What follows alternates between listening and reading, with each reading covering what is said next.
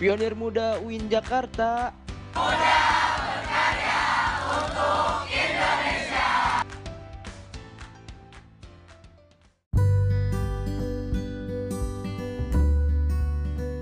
Assalamualaikum warahmatullahi wabarakatuh.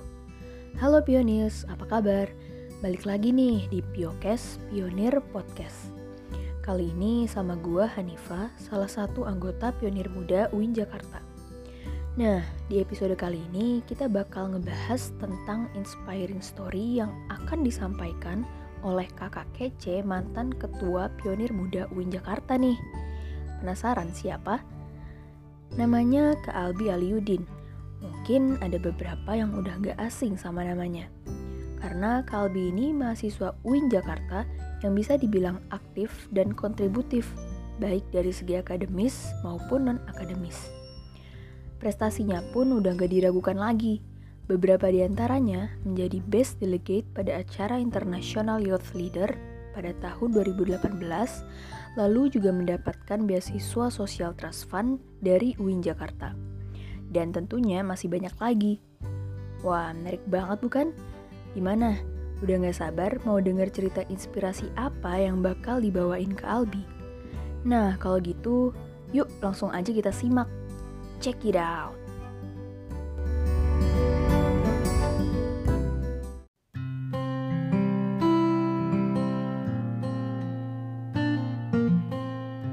Assalamualaikum warahmatullahi wabarakatuh.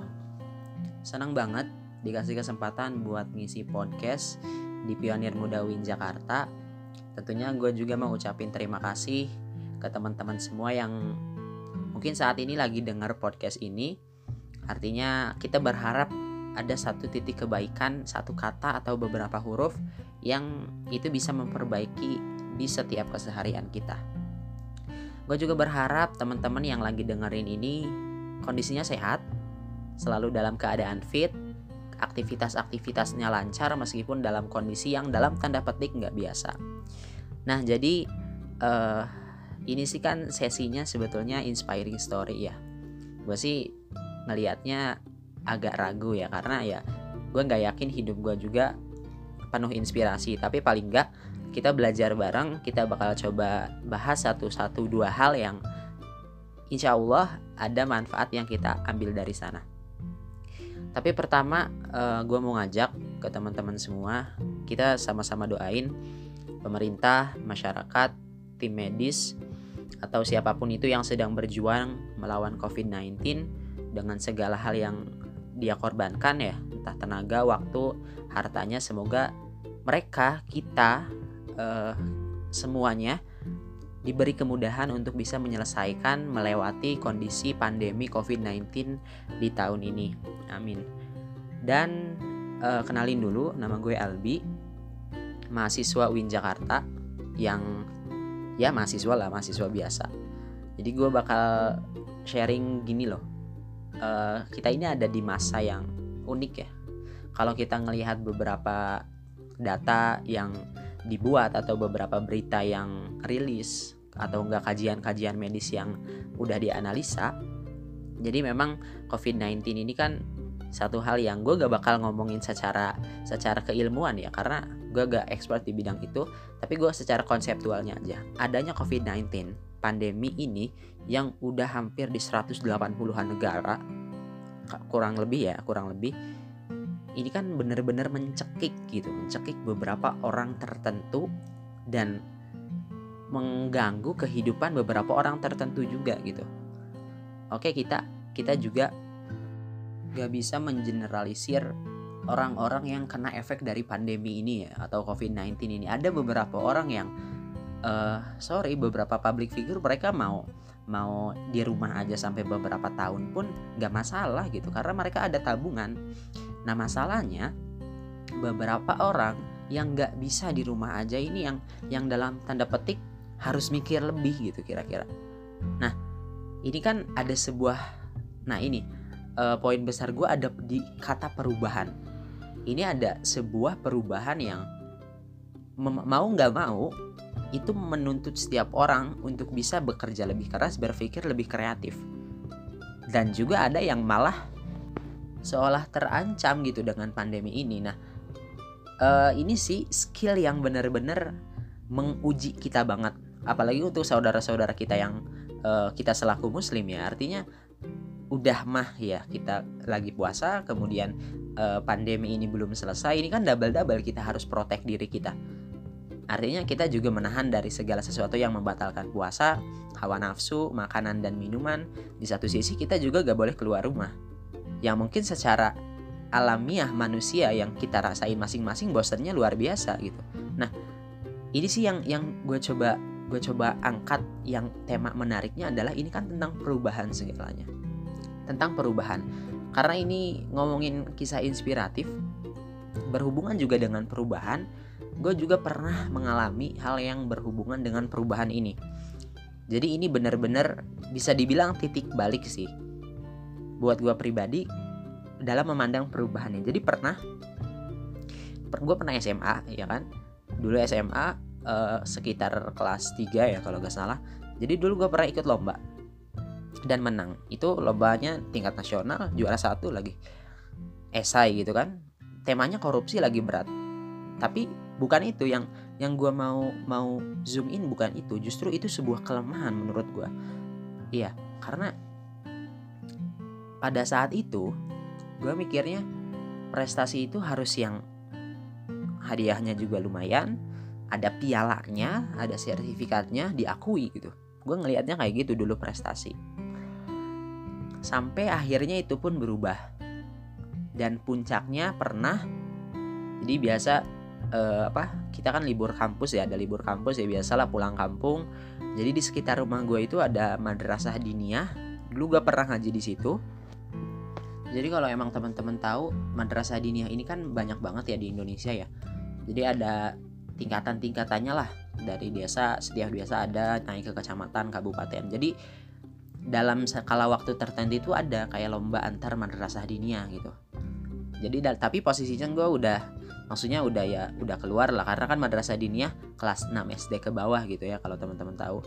Jadi uh, posisinya gue udah kuliah lagi liburan lagi libur semester pulang ke rumah. Dan di sekitar rumah kebetulan bukan kebetulan sih emang dekat-dekat madrasah diniyah dan kepala madrasah diniyahnya kepala MD-nya dia minta gua buat ngelatih anak kecil di sana buat pidato jadi kebetulan pidato ini salah satu cabang lomba yang diperlombakan antar madrasah diniyah gitu. Tingkatnya kecamatan. Jadi tingkatnya kecamatan. Nah akhirnya ya ya udah gue juga maksudnya nggak terpaksa up, ataupun keberatan ya karena enjoy aja senang aja gitu bisa belajar bareng sama anak-anak gitu kan. Jadi dan anak ini dia nggak punya maksudnya basic public speaking yang bagus-bagus amat enggak gitu. Jadi ya lumayan juga sih untuk kita belajar barengnya gitu satu minggu dua minggu uh, gue belajar bareng sama anak itu biasa gue bikin teksnya kemudian dia yang uh, cobalah uh, kita ajarin gitu kan gimana dia berdiri, gimana dia lihat audiens, penguasaan panggung, intonasi, artikulasi gitu gitulah. Sampai akhirnya udah dua minggu selesai, gue harus balik lagi ke Jakarta buat kuliah. Dan ternyata beberapa hari setelah setelah itu, setelah gue ada di Jakarta, itu ada kabar dari madrasah diniyah itu, MD itu yang ada si anak ini nih yang dia udah lomba. Ternyata dia udah lomba. Jadi akhirnya disampaikanlah ke gue dengernya dia juara satu. Dan ketika ngedenger kata itu kabar itu senangnya gue tuh beda dengan yang dulu ketika SMA dapat juara satu juga kalau kita fair-fairan atau ya kita tahu lah nasional dan kecamatan tingkatnya aja udah beda gitu. Tetapi uh, apa ya gue baru ngerasain sebenarnya inilah yang mungkin pengalaman-pengalaman itu bisa jadi bumerang buat kita kemudian bisa juga jadi sebuah hikmah ya. Gue merasa bersalah banget ketika uh, dengar kabar itu dan gue ngerasa senang campur-campur lah pokoknya. Senang karena ngedengar dia menang dan bersalahnya kok rasa senangnya itu kenapa lebih lebih ngena yang si anak ini menang gitu. Tingkat kecamatan padahal. Dan dari saat itu paradigma gue tentang prestasi benar-benar berubah. Yang maksudnya ngelihat prestasi sebagai satu hal yang harus ada sertifikat piala dan hadiahnya lambat laun dan dengan puncaknya uh, apa peristiwa tadi gue ngerasa nggak prestasi prestasi itu sesuatu hal tentang sensitivitas hati. Benar-benar ini yang ini tujuannya soalnya banyak di antara kita yang sampai iri bahkan dengki gara-gara prestasi orang gitu. Ini kan kalau kita masih tetap ngomongin perubahan ini satu perubahan yang gua rasain dan dan harusnya ini bisa dipahami juga oleh beberapa orang yang yang iri dengki sama prestasi orang. Nggak semua potensi bisa disamain antar orang. Ditandingkan dibandingkan juga nggak bisa. Karena setiap orang punya potensi masing-masing yang menyebabkan dia prestasi. Tapi sayang banget kalau misalnya berprestasi orang berprestasi terus kita iri terus kita nggak ngapa-ngapain gitu. Karena pandangan kita prestasi ya itu hanya piala kemudian ada sertifikat dan ada hadiah. Nah jadi dengan kondisi atau peristiwa yang gue alamin juga dengan teman-teman yang berpikiran seperti itu yuk bareng-bareng bahwa prestasi itu murni tentang sensitivitas hati. Bahwa kita ngerasa lebih nyaman kita merasa lebih puas dengan satu hal yang kecil tapi itu benar-benar membuat orang lain bahagia bayangin orang tuanya sampai uh, respect banget uh, dia bilang uh, makasih kemudian dan lain sebagainya lah dan gue merasa tersanjung dengan itu gitu tapi apa pun terlepas dari semua yang gue ceritain terlepas dari perbedaannya pendapat mungkin di antara teman-teman yang gak setuju kita harus sadari bahwa setiap orang, setiap zaman itu mengalami perubahan sesuai dengan apa yang dibutuhkannya. Nah, kalau tadi kita ngebahas masalah paradigma prestasi itu yang benar-benar bukan hanya tentang piala dan lain sebagainya, maka apakah di kondisi pandemi ini perubahan yang kita lihat itu benar-benar bisa ngerubah diri kita atau enggak? Bisa merubah lebih baik atau lebih buruk maksudnya? Nah, jadi kalau memang misalnya dikatakan bahwa yang gue rasakan selama hidup gue itu inspirasi yang gue dapat dari situ. Perbedaan paradigma mengenai prestasi. Nah yuk kita bareng-bareng gimana caranya masa pandemi ini yang idealnya kita di rumah aja itu membentuk satu ide baru kalau kita bisa melewati ini gitu. Oke kita sedih banyak banget saudara-saudara kita yang meninggal karena COVID-19. Tapi akan sedih lagi, lebih sedih lagi jika kita yang hidup pasca COVID-19 ini nggak bisa ngelakuin apa-apa bahkan lebih buruk dari sebelumnya. Ya, jangan sampai dikatakan kita hidup tapi kontribusi kita mati. Tapi prestasi kita wafat, tapi tenaga kita meninggal gitu. Jangan sampai kayak gitu. Jadi dari pertama uh, kita bahas bareng-bareng bahwa balik lagi gue nggak ngewakilin bidang profesional mana pun ya. Ini kan murni kita keresahan dan harapan sebagai anak muda melihat kondisi saat ini gitu. Tentu nggak bisa ngewakilin semua. Ada kok beberapa yang nggak bisa kerja di rumah aja. Tapi buat kita yang di rumah aja kayak mahasiswa kemudian eh, pegawai-pegawai kementerian atau instansi pemerintahan yang mulai bekerja dari rumah intensivitasnya kayak gimana sih? Udah beda kan? Kita juga ya gue juga ngerasa kuliah mungkin nggak se iya kampus gitu nggak se uh, on fire di kampus yang bisa ketemu orang diskusi kayak gitu. Di rumah kan kondisinya dengan online ini satu hal yang jadi batasan banget gitu kan. Yang biasanya kita lihat ekspresi orang ketika diskusi nah sekarang hanya berupa rangkaian kata dalam teks WhatsApp.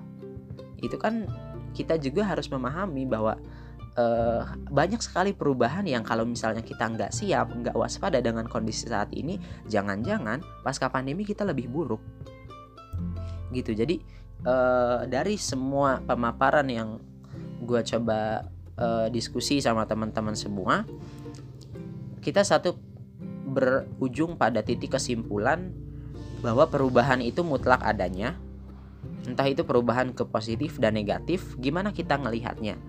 Tetapi kalau misalnya memang suatu perubahan dapat memberikan efek yang baik pada kita dan kita juga dapat mengambil sebuah inspirasi dari situ kenapa enggak kita terapin?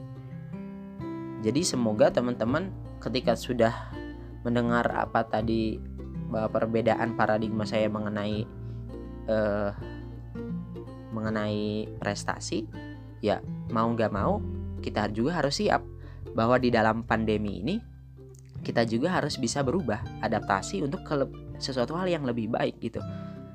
Jadi tentu kita sama-sama berdoa pandemi ini adalah semuanya tentu kehendak dari Tuhan, dari Allah Subhanahu wa taala. Kalau misalnya kita ngomong bebas, ngacak, abstrak, role modelnya kita bisa bilang katakanlah ulat. Dia menjadi kepompong dan jadi kupu-kupu. Ulat sesuatu hal yang buruk, dia berada dalam satu tempat, dia nggak ke mana-mana kepompong, dia menjadi satu hal yang luar biasa dan indah kupu-kupu. Gimana kalau kita mikir kayak gitu? Kita mungkin katakanlah sebelum pandemi orang yang nggak punya kemampuan. Kita di karantina katakanlah di rumah aja.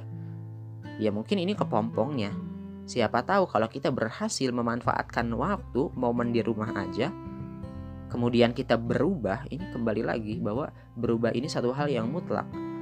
Menjadi hal yang luar biasa pasca pandemi ini satu hal yang bisa dan sangat mungkin untuk dilakukan. Jadi yuk bareng-bareng kita melihat perubahan sebagai satu hal yang positif. Kita juga melihat segala sesuatunya menjadi hal yang luar biasa dan kita tentu berharap semua ini tetap lancar, keluarga-keluarga kita tetap sehat, dan semuanya tetap ada dalam lindungan Tuhan Yang Maha Esa.